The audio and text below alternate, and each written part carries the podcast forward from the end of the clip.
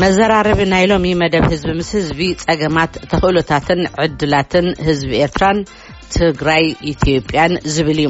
ኣጋይሽና ኣለማዮ ፈንታውን ጳውሎስ ተስፋ ጊዮርጌስን እዮም ጳውሎስ ተስፋጊዮርጊስ ካብ ዩኒቨርሲቲ ማክጊል ካናዳ ናይ ሕጊ ዲግሪ ረኺቡ ኣብ ዩኒቨርሲቲ ኣስመራ ኤርትራ ናይ ሕጊ መምህር ኮይኑ ኣገልጊሉ እዩ ኣብ ሰማንያታት ንኣህጉራዊ ትካል ረድኤት ኤርትራውያን ዘተሓባብር ዝነበረ ጳውሎስ ተስፋ ጊዮርጊስ ድሕሪ ነጻነት ኤርትራ ንቕዋም ኤርትራ ምስ ዘዳለዎ ኮሚሽን ኮይኑ ዝሰርሐ ብ202 ጳውሎስ ተስፋጊዮርጊስን ዓሰርተ ሸውዓተ ካልኦት ኤርትራውያንን ንድሕነት ኤርትራ ተበግሶ ዜጋታት ሲኣይኤስ ዝብል ማሕበር መስሪቶም ኣለማዮ ፋንታው ኣብ ሚያዝያ 209 ካብቲ ኣብ ሽላይንጊን ኦስትርያ ዝርከብ ማእኸል መጽናዕቲ ሰላም ዩኒቨርሲቲ ኤውሮጳ ብውሕሉል ስነ ጥበብ መጽናዕቲ ሰላምን ግጭትን ተመሪቑ ኣብ ሳልዝበርግ ግሎባል ሴሚናር እውን ተሳቲፉ እዩ ኣብዚ እዋን እዚ ኣብ ዩኒቨርሲቲ ሱፎክ ኮሌጅ ሳይንስን ስነ ጥበብን በጻሒ ፕሮፌሰር ኣስተምህሮ መንግስቲ ኮይኑ ይዓይሎም ኣዳላውን ኣቕራብን ናይ ሎሚ መደብ ህዝቢ ምስ ህዝቢ በትረ ስልጣን እዩ ናብኡ ከሕልፈኩም እየ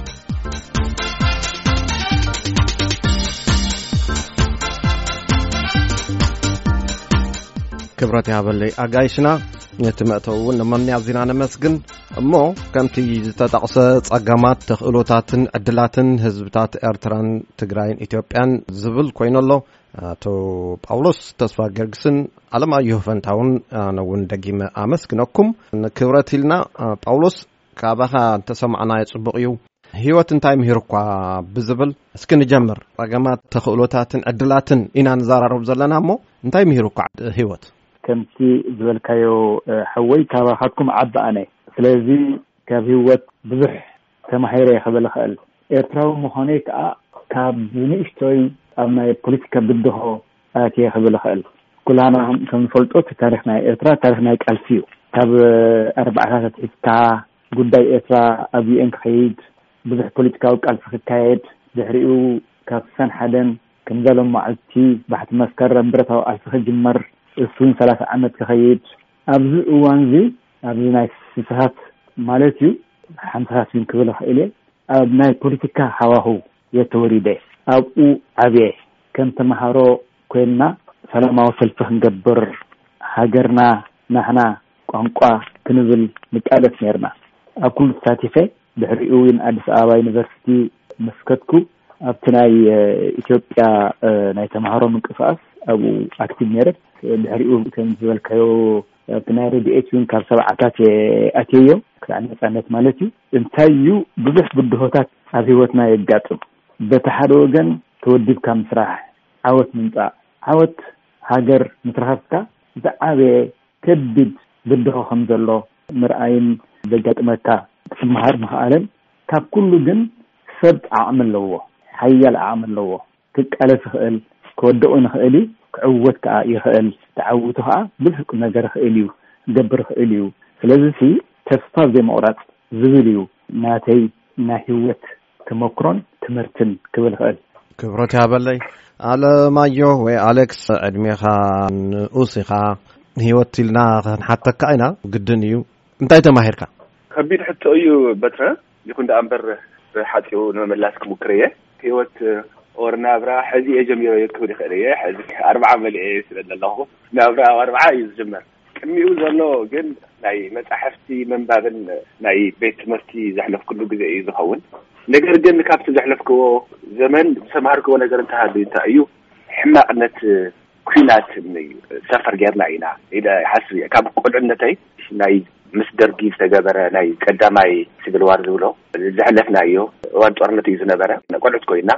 ናይ ኣየር ደብዳብ ክመጽእ ከሎ ንነዊሕ እዋን ስትሮማታይዝድ ከም ዝነበርኩ ኣይረመምበር። ብሕልመይ እውን ዝርእዮስ እዘን ናይ ደርጊ ተዋጋእቲ ጀትታት መጺኤን ክድብድባ ከለዋ እዩ። ድሕሪኡ ድማ ሰላም ረኺብና ኢልና ብዙሕ ዘይጸናሕና ካልኣይ ውግእ ምስ ኤርትራ ተጀሚሩ። ኣሕዋትና ኣኮታትና ስኢንና ሐብለለ መሊስና እንደገና እቲ ካልኣይ ሲቪል ዋር ንብሎ ተኸፊቱ ኣሎ። ብጣዕሚ ብዘሕዝን መንገዲ ድማ ንኤርትራ ስሒቡ ኣእትዩዋ እኒኦ። ሶ መሪርነት ኲናት ተማሂረ እየ ዝብል። የቐንየለይ ንመእተዊ ዝሃብኩምና ርእቶታት ግን ነመስግነኩም ኣብኡ እንተለኻ እሞ ኣለማዮ ኣብዚ እዋን እዚ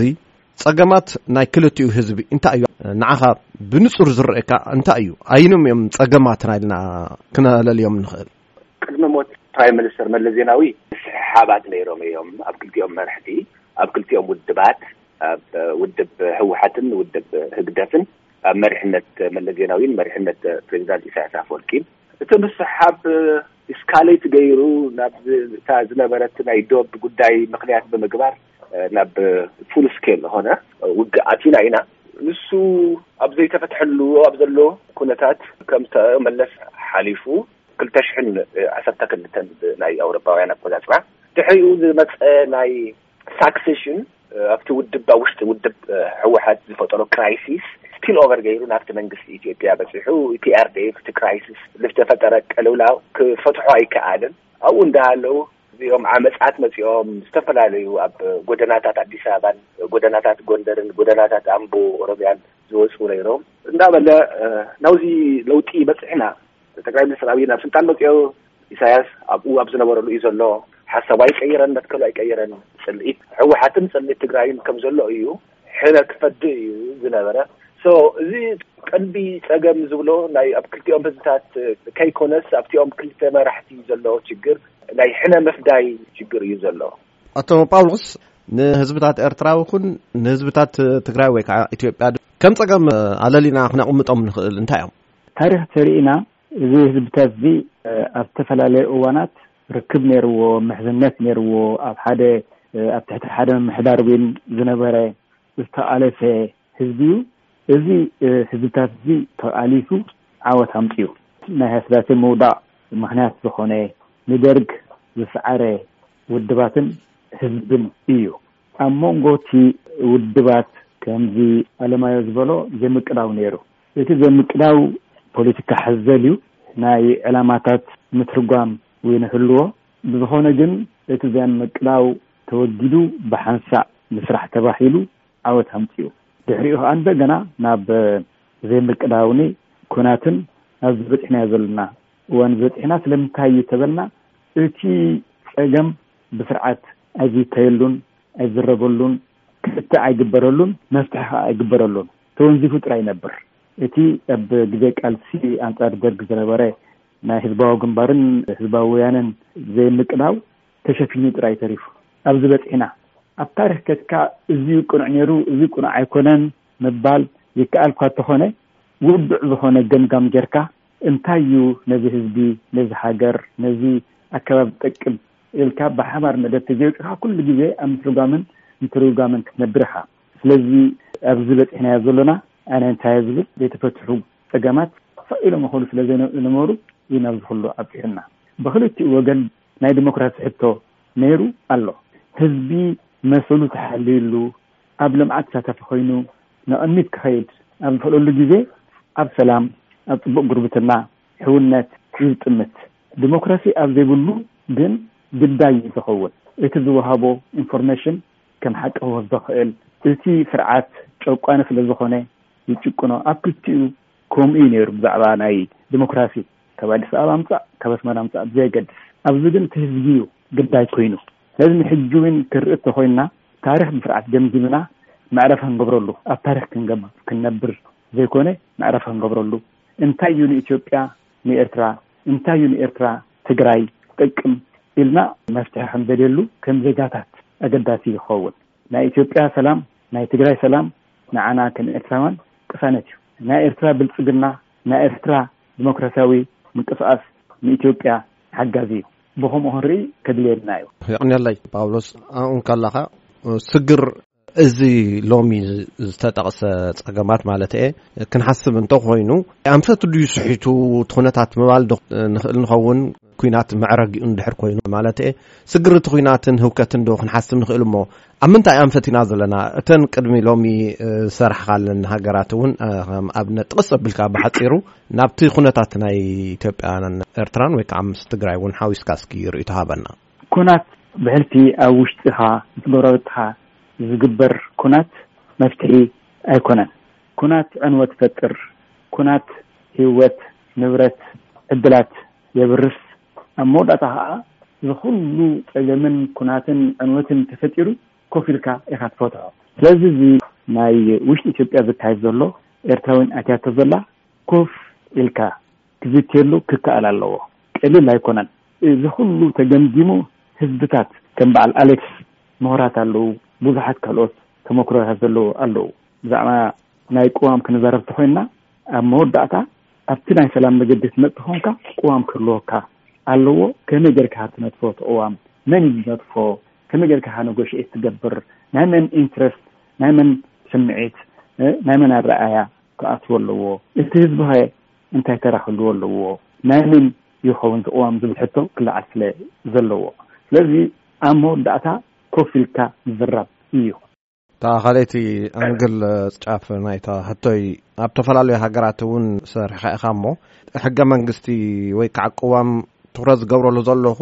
መሰረት ሓንቲ ሃገር ወይ ከዓ ህዝብታት ቃል ኪዳን ስለ ዝኾነ እየ እሞ እስኪ ሕጽር ሕጽር ኣቢልካ ኣብ ምሉእ መዓልቲ እውን ክንዛረበሉ ንኽእል ኢና እቲ ርእስቲ ግን ኣበይ ሰሪሕካ ኣብ ምንታይ ኩነታት ኣለዉ ሓጊዝዎም ዶ ዝብል ርእይቶ ተሃብካና ጽቡቕ እዩ ሕጂ ኣብ ደቡብ ኣፍሪቃ ብዙሕ ዓመታት ተቐሚጠ እየ። ነጎሽየት ክገብሩ ከለዉ ድኻም ዘይብሉ ኣይነበረን ማለት ኣይኮነን ግን ሓደ ነገር ትርኢ ብዙሓት ከተግብሮ ፍትኑ ብቑዓት ትካላት ከም ቤት ፍርዲ እቲ ኮንስቲቱሽናል ኮርት ዝበሃል ከኣ ኣሎ በዓል ቦትስዋና ትርኢ ካልኦት ብዙሓት ሃገራት እውን ትርኢ ኣብ መወዳእታ ዝገርመኒ ዝነበረ እንታይ እዩ ኩሉ ኣብ ቅዋም ኸይድ ንኣብነት ናይ ሃገራት ኣዕራብ ክልተ ሽሕን ዓሰርተ ክልተን ዓሰርተ ሰለስተን ቤቲ ኣረብ ስፕሪንግ ዝበሃል ግብፂ ኢልካ ሊብያ ኢልካ ቱኒዝያ ኢልካ ተልካ ዝኹሉ መዓት ዕግግር ነይሩ ነዚ ዕግርግር እዚ መዕረቢ ክገብርሉ ኩላቶም ናይ ቅዋም ምንዳፍ መስርሕ ጀሚሮም ቅዋም ባዕሉ በይኑ መፍትሒ ኣይኮነን ግን ኣብ ኩሉ ሃገራት ተሃትርኢ ነቲ ቅዋም ዝነድፍ ኣካል ወካሊ ይኸውን፣ ናይ ህዝቢ ተሳትፎ ከኣ ይዕድም፣ ህዝቢ ክሳተፍ ከኣ የኽእል። መስርሒ እዚ ዝበለጸ ቅዋም ዝበሃል የለን፣ ዝሰርሕ ቅዋም ስታይ እዩ። ስለዚሲ ኣብ ኩሉሲ ከምኡ ክብል እየ። ኣብ መወዳእታ ኣብ ቅዋም ንመጽእ፣ ቅዋም ከመይ ገይሩ ይንደፍ ዝብል ነቲ ቅዋም ምትግባር ነዊሕ ግዜ እዩ ዝወስድ። ስለዚ ኣብዚ ዕውት ነይሩ ክትብል ኣይትኽእልን ኢኻ። ናይ ዒራቕ ባዕዳድ ነይረ ምስ ሕቡራ መንግስታት። ክልተ ሽሕን ሓሙሽተን ክልተ ሽሕን ሽዱሽተን ማለት እዩ ኣብኡ ዝነበረ ክትዕ ብዙሕ ዝሰክፈካ ነይሩ ምክንያቱ እቶም ፖለቲካውያን ብሃይማኖት ተኸፋፊሎም እዮም ነይሮም ስለዚ ሲ ከም በልኩኻ ናይ ሳውዝ ኣፍሪቃ ክሰርሕ ርኤዮ ኣፍኮርስ ናይ በዓል ታንዛንያ ሰርሕ እዩ ጋና ሰርሕ እዩ ብዙሕ ሃገራት ዝሰርሕ ኣሎ እቲ ናተይ ተመክሮ ኣብቲ ምስራሕ ዝነበረ ግን ዝፍጠር ዝነበረ ቴንሽንን እቲ ሚዛን ናይ ሓይልን ሓደ ሓያል ስለ ዝኾነ ናቱ ጥራይ ይሓስብ ናይ ሓባር ረብሓ ክንዲ ዝሓስብ ኢልታትታት ብዙሕ ፀገም ንረእ እሞ ካብ ከምሳሲ ክንመሃር ንኽእል ኢና ኤርትራውን ኮነ ኢትዮጵያውን ኮነ። ኣለማየሁ ንስኻ እውን ብግዴኻ ኣብ ናይ ኢትዮጵያ ሕጊ፣ ፖለቲካ፣ ሃገራዊ ፀጥታን ፖሊሲ ወፃእን ፅሒፍካ ኢኻ። ተምህር ኢኻ ትዛረበሉ ኢኻ ክልተ ሕቶ ቀዳመይቲ ሕገ መንግስቲ ኢትዮጵያ ጠንቂ ናይዚ ኢትዮጵያ ትርከበሉ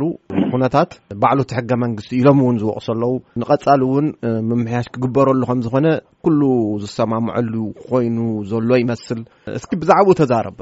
እዚ ናትካ ሕቶ ንምምላስ ሓደ ስጉምቲ ንድሕሪት ክወስድ እሞ ኢህወደግ ኣዲስ ኣበባ ኣትዩ ተስዓን ሓደን ብፈረንጅ ኣቆፃፅራ መንግስቲ ምስ ተከለን ድሕሪኡ ተኸቲሉ ኤርትራ እውን ነፅነት ምስ ኣወጀትን ኢትዮጵያ ሕገ መንግስቲ ምፅሓፍ እዩ ቀዳማይ ስርሓ ዝገበረት። እቲ ሕገ መንግስቲ ዕላምኡ ኣብ ታሪክ ኢትዮጵያ ዝነበረ ናይ ብሄር ብሄረሰባት ናይ ዘይተመዓራረ ርክብ ምምዕራይ እዩ። ነዚ እዩ ናይ ቶም ናይ ቀደም ስርዓት ናፈቕቲ ጥንቂ ሰላም ኢትዮጵያ ዝተዘርአ ብኢህወደግን በቲ ሕገ መንግስትን ኣቢሉ እዩ ዝበሃል ዘሎ ዘረባ ሄጅመን ንምንታይ ተለቐደ ካብ ዝብል ሕራነ ዝመጸ እዩ ዘስለኒ። ኣብኡ እንከለኻ ኣለማዮ ሓደ ኣምር ኣሎ ንስኻ ትደፍኦሉ ሕጋዊ ብዝሃነት ወይ ከዓ ሊግል ፕሉራሊዝም ዝብል ኣብ ፌደራላዊ ፖሊሲ እምነ ኩርናዕ እዩ ዝብል እውን እምነት ኣለካ እሞ ኣብ ኢትዮጵያ ኣሎ ዶ እዚ ተሓሳስባ እዚ ክተኣታቶ ዲኻ ትደልዮ እንታይ ከ ማለት እዩ? ፌደራል ስርዓት ማለት ብመሰረቱ ናይ ሸርድን ሰንትሩልን ዝሓቆፈ ስርዓት መንግስቲ ኣሎ ማለት እዩ። ክልላት ባዕለን የመሓድራ፣ እንደገና ክልላት ኣብቲ ሃገራዊ መንግስቲ ኣብ ማእኸል መንግስቲ ይውከላ፣ ብሓደ ሙሉእ ዓዲ የመሓድራ ማለት እዩ። ሶ ሊጋል ፕሉራሊዝም ና ሰልፍ ሩል ዝበሃል ሓደ ኣስፔክት እዩ፣ ሓደ ዳይሜንሽን እዩ። ስልጣን ብዙሕ ምንጭታት ኣለዎ። ናይ ፌዴራል ናይ ማእኸል እኒኦ፣ ናይ ክልላት እኒኦ፣ ናይ ባህሊ እኒኦ። ኣብ ኤርትራ ዓቢ ስራሕ ካብ ዝተሰርሐሉ ነገራት ማእኸል ናይ ከስተመሪ ሎ ኮዲፋይ ምግባር እዩ። ኣብ ኢትዮጵያ እውን እቲ ፌደራል ስርዓት ዘምፅኦ ነገር እዙይ እዩ። ክልላት ሕገ መንግስቲ ኣለወን እየን። ኩለን ተሽዓተ ክልላት ኢትዮጵያ ብዘይ ሲዳማ፣ ሲዳማ ሓድሽ ክልል እያ ዓስራ እያ ሕዚ ተመፂኣ ዘላ። ኩለን ተሽዓተ ክልላት ሕገ መንግስቲ ኣለወን። በቲ ሕገ ፌደራል ሕገ መንግስቲ መሰረት ድማ ኣብቲ ፌደራል ሕጊ ዘይተሸፈነ ኤርያስ ክሽፍኑ ሕጊ ከውፅኡ ናይ ፋሚሊ ናይ ቤተሰብ ናይ ፐርሰናል ሎ ማተር ናይ በዓል ሕጊ ከውፅኡ መሰል ኣለዎም እዩ። ኣብ ገምን እውን ናይ ገበን ሕጊ ከውፅኡ ዝኽእልሉ መሰረት ኣሎ። ብናይ ፌዴራል ናይ ገበን መቅፅዒ ሕጊ ዘይተሸፈነ ብልኡ ናይ ክልል ናይ ክልል ስልጣን እዩ። እቲ ሓንቲ ነጥቢ ኣይተንከፍካያን ገሊኦም ሓይልታት ሙሉእ ብምሉእ እቲ ሕገ መንግስቲ ክጠፍእ ኣለዎ ዝብሉ እዮም፣ ገሊኦም ክመሓየሽ ኣለዎ ዝብሉ እዮም። ኣብዚ ከ ርእይቶኻ እንታይ እዩ? ኣብዚኣ ዶ ክቆርፀኩም ኣሕዋተይ? ሕራይ። ከምኡ እዩ ዝበሃል እዚ ቅዋም እዚ ንኢትዮጵያ ክከፋፍላ ዝተሰርሐ እዩ ዝበሃል ስታያት ኣሎ ኣይጠቅማን ጥራይ ዘይኮነሲ ወጺዕዋ ዝበሃል ኣሎ ሓደ ነገር ዘሎ እቲ እቲ ኮንቴክስ እቲ ናይ ኢትዮጵያ ሪያሊቲ እንተወሰድና ኢትዮጵያ ቅድም ቅድሚ እዚ ቅዋም እዚ ካብ ኣዲስ ኣበባ ኩሉ ዝብገስ ብሓደ ዝዕብለል ኣገዛዝኣ እዩ ነይርዋ እቲ ካልእ ብሄራት መሰል ኣይነበሮን ይትረፍ ዶ ነጻ ኮይኑ ክሓስብን ክንቀሳቐስን ክማዕብል ን ስለዚ እዚ ቅዋምዚ እቲ ኣነ ዝርድኣኒ ንዕኡ ኣድረስ ክገብር ተነዲፉ ቅዋም ኣብ ምትግባር እዩ ህወት ዝረክብ ኣብ ምትግባር ጸገማት ኣይነበረን ኣይበሃልን እዩ ግን ኩሉ ቅዋም ከኣ ናይ ምምሕያሽ ዓንቀጽ ኣለዎ ናይ ምምሕያሽ ኣገባብ ኣለዎ ስለዚ ሆልሰይል እዚ ዝጠፍእ ኣሎ እዚ ናህና ኣይኮነን እዚ ኣይጠቕመናን እዩ ክበሃል እንተኾይኑ እቲ ካልእ ዝመጽእ እውን ከምኡ መልክዕ እንዳሓዘ ክኸይድ እታ ትገብር ዘለኻ ስለዚ እዚ ቋምዚ ፍጹም ድዩ ፐርፌክት ድዩ ኣይኮነን ኣብ ግብሪ ዘጋጠመ ጸገም ኣሎ ዶ ይእረም ክመሓየሽ ኣለዎ ዶ ኩሉ ቅዋም ይመሓየሽ ኣብ ዓለም ፐርፌክት ዝበሃል ቅዋም የለን ናይ ኣሜሪካ እቲ ዝበለጸ ቅዋም ይበሃል ክንደይ ምምሕያሻት ተገይሩሉ ናይ ሙሉእ ዓለም ከምኡ እዩ እሞ እንታይ ይኸውን ኣክንዲ ነቲ ቅዋም ሪኢኻ ከመይ ገርና ነስርሖ ዝኸውን ናይ ፖለቲካ መርገፂ ይውሰድ። የቐንየልና ክትቅፅል ትኽእል ኢኻ ኣለማየሁ። ኢህወደግ ዘምፅኦ ሕገ መንግስቲ ኢትዮጵያ እዩ ጠንቂ ሰላም ኢትዮጵያ ዝብሉ ዝገርመካ እቲ ክርክር ብጣዕሚ እንትንዩ ክልተ ስታንዳርድ እዩ ዝፃወቱ ዘለዉ ኢትዮጵያዊነት ዝበሃል ናሽናሊዝም ኣብ ኢትዮጵያ የለን እዚ ሕገ መንግስቲ እዚ እዩ ኣምሓራ ዝበሃል ክልል ኩሎም ኣምሓርኛ ተዛረብቲ ህዝብታት ኢትዮጵያ ብተፈላለዩ ክፍል ሃገራት ዝነበሩ ኣብ ሸዋ ኣብ ጎንደር በጌምድር ኣብ ጎጃም ኣብ ወሎ ገለ ዝነበሩ እዮም ተኣኪቦም ሓደ ክልል መስሪቶም ኣምሓራ ዝተባሃለ ኦሮምያ ዝተባሃለ እውን ከምኡ እዩ ብጣዕሚ ዘሕፍር መንገዲ ኣብቲ ሕገ መንግስቲ ክፅሓፍ ከሎ ኣይተወከልናን እቲ ሕገ መንግስቲ ዝተፅሓፈ ንትግራይ እዩ ዝብሉ ብጣዕሚ ዘሕፍር ክርክር እዩ ባይዘወይ ድሕሪ ቲፒኤልኤፍ ኮይና እቲ ዓብዪ ሚና ተፃወተት ኣብዚ ሕገ መንግስቲ ምፅሓፍ ድሕሪ ከምኡ ኮይኑ ቲፒኤልኤፍስ ንህዝቢ ትግራይ ዝጠቅም ሕገ መንግስቲ ኣይፀሓፈትን እያ ቢካዝ ፕራክቲካሊ ኣምሓራን ኦሮሞን ጥምረት ገይሮም ንዘለኣለም ኢትዮጵያ ዝገዝእሉ ሕገ መንግስቲ ተዘርጊሑ ርኢናዮ ኢና ሕዚ ኣብቲ ፓርላማ ዘሎ ወንበር መጆሪቲ ክቆፃፀርዎ ይኽእሉ እዮም ወሮማራ ኢሎም ማለት እዩ ዓበይቲ ኣሰመትርካል ዝኾነ ኣሰመትርካል ሪሌሽንስ ዘለዎም ክልላት እዮም ተፈጢሮም ባቲ ሕገ መንግስቲ ኣምሓራ ዝበሃል ዓብዪ ክልል ገፊሕ ብጣዕሚ ኦሮምያ ዝበሃል ዓብዪ ክልል ትግራይ ትበሃል ንክንዲ እዚኣ ትኸውን ክልል እያ ተፈጢራ ዘላ እቲ ሕገ መንግስቲ እዩ ጠንቂ እቲ ሕገ መንግስቲ ዲፌክት ዘለዎ ናይ ዲዛይን ናይ ዲዛይን ፀገም ኣለዎ በዚ ክንስማማዕ ንኽእል ኢና እቲ ዲዛይን እቲ ዘሎ ኣሰመትርካል ሪሌሽንስ ከም ምዕራርዮ ክግባእ እዩ ዳስቱ መሰረታዊ ናይ ሕገ መንግስቲዊ ግርጭታት ክልዓሉ ከለዉ ዲስፒት ክመፁ ከለዉ ንፈትሕ ኢንዲፐንደንት ዝኾነ ኣካል ፖለቲካዊ ኣይኮነን ከም ሃውስ ኦፍ ፌደሬሽን ዘበለ ሕገ መንግስታዊ ፍርድ ቤት ይኹን ዋላ ጁዲሽል ሪቪው ንጠቅላይ ፍርድ ቤት ዝኾነ ዓይነቱ ተቋም የድሊ እዩ እሞ እቲኦም ፀገማት ኣለሊና ወዲና ኣሎና ማለት ብእውን ዝተሓፀረ ኣይኮነን ናይ ቁጠባ እውን ክልዓል ይኽእል እዩ ሰብኣ መሰላት እውን ክልዓል ይኽእል እዩ ካልኦት ብሓባር ንክልቲኦም ህዝብታት ከምቲ ኣለማየሁን ዝበሎ ሰሜንን ደቡብን መረብ ዘሎ ማለት እዩ ዘመሳስሎ ነገራት ኣሎ እዚኦም እቶም ብድሆታት እዮም ኩናት እውን ካሊእ ፀገም እዩ ኣብቶም ተኽእሎታት ክነትኩር ተኮይንና ተኽእሎታትን ዕድላትን ካብዚ ዘለናዮ ኩነታት ክልትኡ ህዝቢ ማለት እዩ ካብዚ ዘሎ ፀገም ፀገምን ምትፍናንን እዩ ከመይ ቢሉ እዩ ናብ ሰላማውን ሕውነታውን ሂወት ናብራ ክሰጋገር ዝኽእል ከመይ ገይሩ እዩ ናብ ዕርቂ ክበፅሕ ዝኽእል ዝብል መን እዩ ጀምሮ በበይ ገይርካ እዩ ብፖለቲካውያን እንድሕር ኣቕቢፆምና እንድሕር ኣቕቢፆሞ ንቲ ህዝቢ ንዕኦም ጥራሕ ዲና ክንገድፎ ዝግብኣና ወይስ ካልኦት ኣካላት ኮሚኒቲታት ከብግስዎ ዶ ክእሉ ዝብል እስኪ ክንቅፅለሉ ሓደኹም ጀምሩ። እንድሕር ተስተውስ ኮይንካ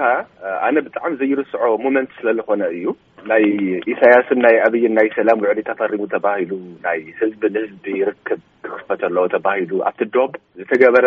እንትን ነይሩ እዩ ኢቨንት ነይሩ እዩ ደረፍቲ እነ ሰለሞን ባይረን ካሕሳይ በርሀን መዝሙር ሰላም ዝበሃል ደርፊ ዝደረፍሉ ኢሳያስን ደብረ ጽዮንን እውን ብኣካል እውን ተራኸብሉ እዩ ዝነበረ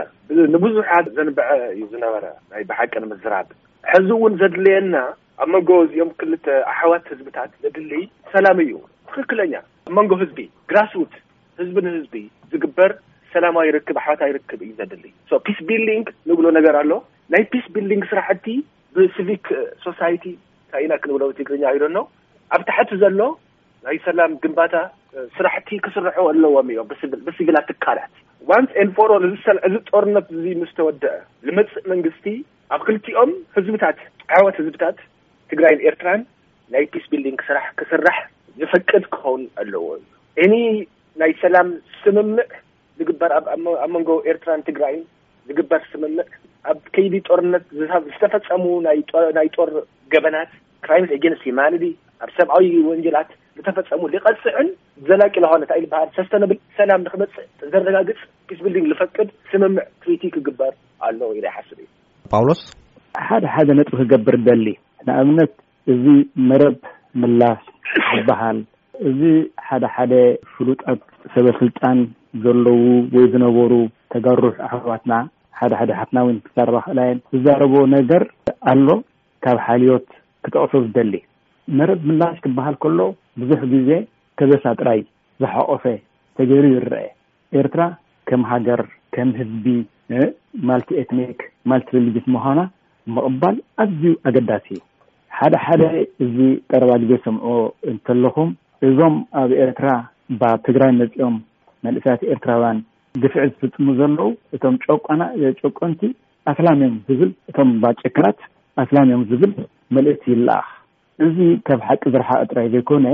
ሳዕቤኑ ዘይምርዳእ እዩ፣ ሳዕቤኑ ክብል ከለኹ ኣብ ውሽጢ ኤርትራ ወይ ኤርትራዊ ዝፈጥሮ ሪኣክሽን ወይ ከኣ ግዲ ዘይብሎም እዮም ዘይሓስቡ ኣርሒቖም ዘይርእዩ ንክልቲኡ ህዝቢ ብሓደ ክመጽእ ኣንጻር ግፍዒ ኣንጻር ጭቆና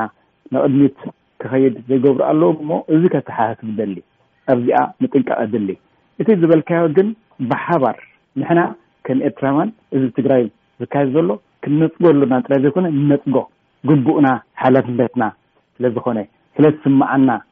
ኣብ መወዳእታ ከኣ ብኸምዚ ክንነብር ስለ ዘይንኽእል ሰላም ክመጽእ ኩላህና ንሰላም ክንጽዕር ኣለና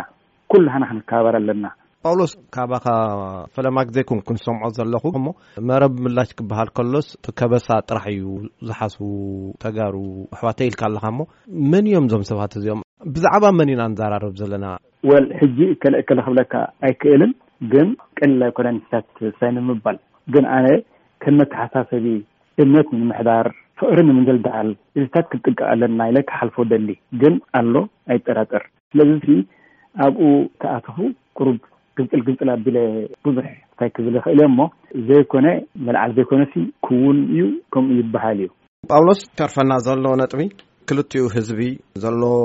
ተኽእሎ ወይ ዕድል ኣብ ተፈላለዩ ኣወንታዊ ነገራት ይንፀባረቕ እዩ ኤርትራውያን ኣብ ጎኒ ህዝቢ ከም ዝኾኑ ኣብ ተፈላለየ መንገዲ እውን ኣርኦሞ እዮም ተኣሉታዊ ቅድም መራሕቲ ፖለቲካ ክንዘራረበሉ ስለ ዝፀናሕና ኣነ እኳ ዝፈልጦ ኤርትራውያን ወራር ኣንበጣ ኣጋጢሙ ኣብ ትግራይ ብኣሰርተታት ኣሽሓት ክሳብ ሚእቲ ሽሕ ዶላራት ኣዋፂኦም ዝለኣኹሉ ኩነታት ፈልጥ ኣብዚ ቀረባ ግዳይ እቲ ኩናት ንዝኾነ ሓረስታይ ትግራይ ትራክተር ንኽዕድጉ በዓልቶም ተወዲቦም ገንዘብ ንክልእኩ ተቐሪቦም ከም ዘሎ ብዙሓት ኤርትራውያን ንፈልጥ። ኣብ ዝተፈላለዩ ተቃውሞታትን ድምፅታትን እውን ባዕለይ ሪፖርት ዝገበርክዎ ብ ስቴት ዲፓርትመንት ኣብ ካልኦት ከባብታትን እውን ነቲ ኣብ ትግራይ ተፈፂሙ ዝተባሃለ ግፍዕታት ኣብ ኣደባባይ ወፂኦም ተቃዊሞሞ እዮም። ብርክት ዝበሉ ኤርትራውያን እውን ኣብ ዝተፈላለዩ መዓስከር ስደተኛታት ኣብ ክልል ትግራይ ኣብ ኢትዮጵያ ንዓመታት ፀኒሖም እዮም ኣብ ላዕለዎት ኣብያተ ትምህርቲ እውን ተማሂሮም ክሳብ ቀዳማይ ድግሪ ካብኡ ንላዕልን ንክምሃሩ ዕድል ረኪቦም እዮም ከም ሃገሮም እውን ክነብሩ ዕድላት ወይ ከዓ ካብ ክልላዊ መንግስቲ ትግራይ እኳ ፍቓድ ዝተዋሃበሉ ግዜ ነይሩ ሰላም እንተዝኸውን ንኤርትራ ሰጊሩ እውን ብዙሕ ትግራዋይን ኢትዮጵያውን ምተረፍሐ ነይሩ ስለዚ እዙይ እቲ ዕድላት እዩ ግን ናብ ሓይሊ ከመይ ጌርካ እዩ ዝቕየር ዝኽእል ጳውሎስ ወልዲኣ ክባድ ሕቶ እያ ንሕና ከም ኤርትራውያን ዝሓለፈ ዓሰርተ ሓሙሽተ ዓመት ትበርብና ኣላ እያ ከመይ ጌርና ህዝብና ክርህቦ ስጉምታት ንወስድ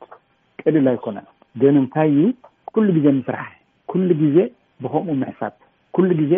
ብሓባር ምውጻእ ምሕዝነት ኣሎ ብርሑቅ ትህቦ ሶልዳርቲ ከኣ ኣሎ ብሓንሳእ ትሓስበሉ ብሓንሳእ ትዝትየሉ ብሓንሳእ መደብ ተውጻሉ እዚ ኩሉ ግዜ ቀጻሊ ስራሕ ዘድልዮዩ ስለዚ ምስ ህዝቢ ትግራይ ምድንጋጽ ምሕዝነት ምርኣይ ከመይ ጌርካ ኣብ ግብሪ ትትርጉሞ ዝብል ቀጻሊ ክትዓትን ስራሕን ዘድልዮ እዩ። ኣለማዮ እዚ ርክብ ህዝቢ ምስ ህዝቢ ኢና ንዘራረብ ዘለና እሞ እቲ ዝበልክዎ ንዘይምድጋም ርክብ ህዝቢ ምስ ህዝቢስ ኣበይ ይጀመር ትዘራረብሉ ዶ ከመይ ክኸይድ ኣሎ ትብል? ከቢድ እዩ ኣይ ሚን ፒስ ቢልዲንግ ናብዚ ናብ ርክብ ህዝባዊ ርክባት ንምእታው እቲ ናይ መጀመርያ ስቴፕ ክኸውን ዘለዎ ሶ እንታይ እዩ ናይ እዚኦም ክልተ ህዝብታት ክቃለሱ ኣብ ዘለዎ ኮይኖም ዝተፈላለዩ ምንቅስቃሳት ከጣይሹ ይግባእ እዩ ማለት እዩ። ኣብ ዳያስፖራ ዘሎ ወገንና ናይ ትራንስናሽናል ኣክቲቪዝም ናይ ሰብኣዊ መሰል ኣብኡ ዝግበር ዘሎ ገለ ናይ ኣድቨኬሲ ስራሕ ክሰርሕ ይኽእል እዩ። ኣብ ውሽጢ ዓዲ ዘሎ እውን እቲ ዋና ናይ ሰላም ስራሕ ግን ድሕሪ ሽግር ቅልውላው ስቴጅ ክንበፅሒ ከለና ኢና ናብኡ ክንኣቱ ይመስለኒ። ፅቡቅ እሞ የቀኒየለይ። ኣዝየ ዘመስግን ጳውሎስ ተስፋ ጊዮርጊስን ኣለማዮ ፋንታውን ኣጋይሽና ስለ ዝኾንኩም ክብረት ያበለይ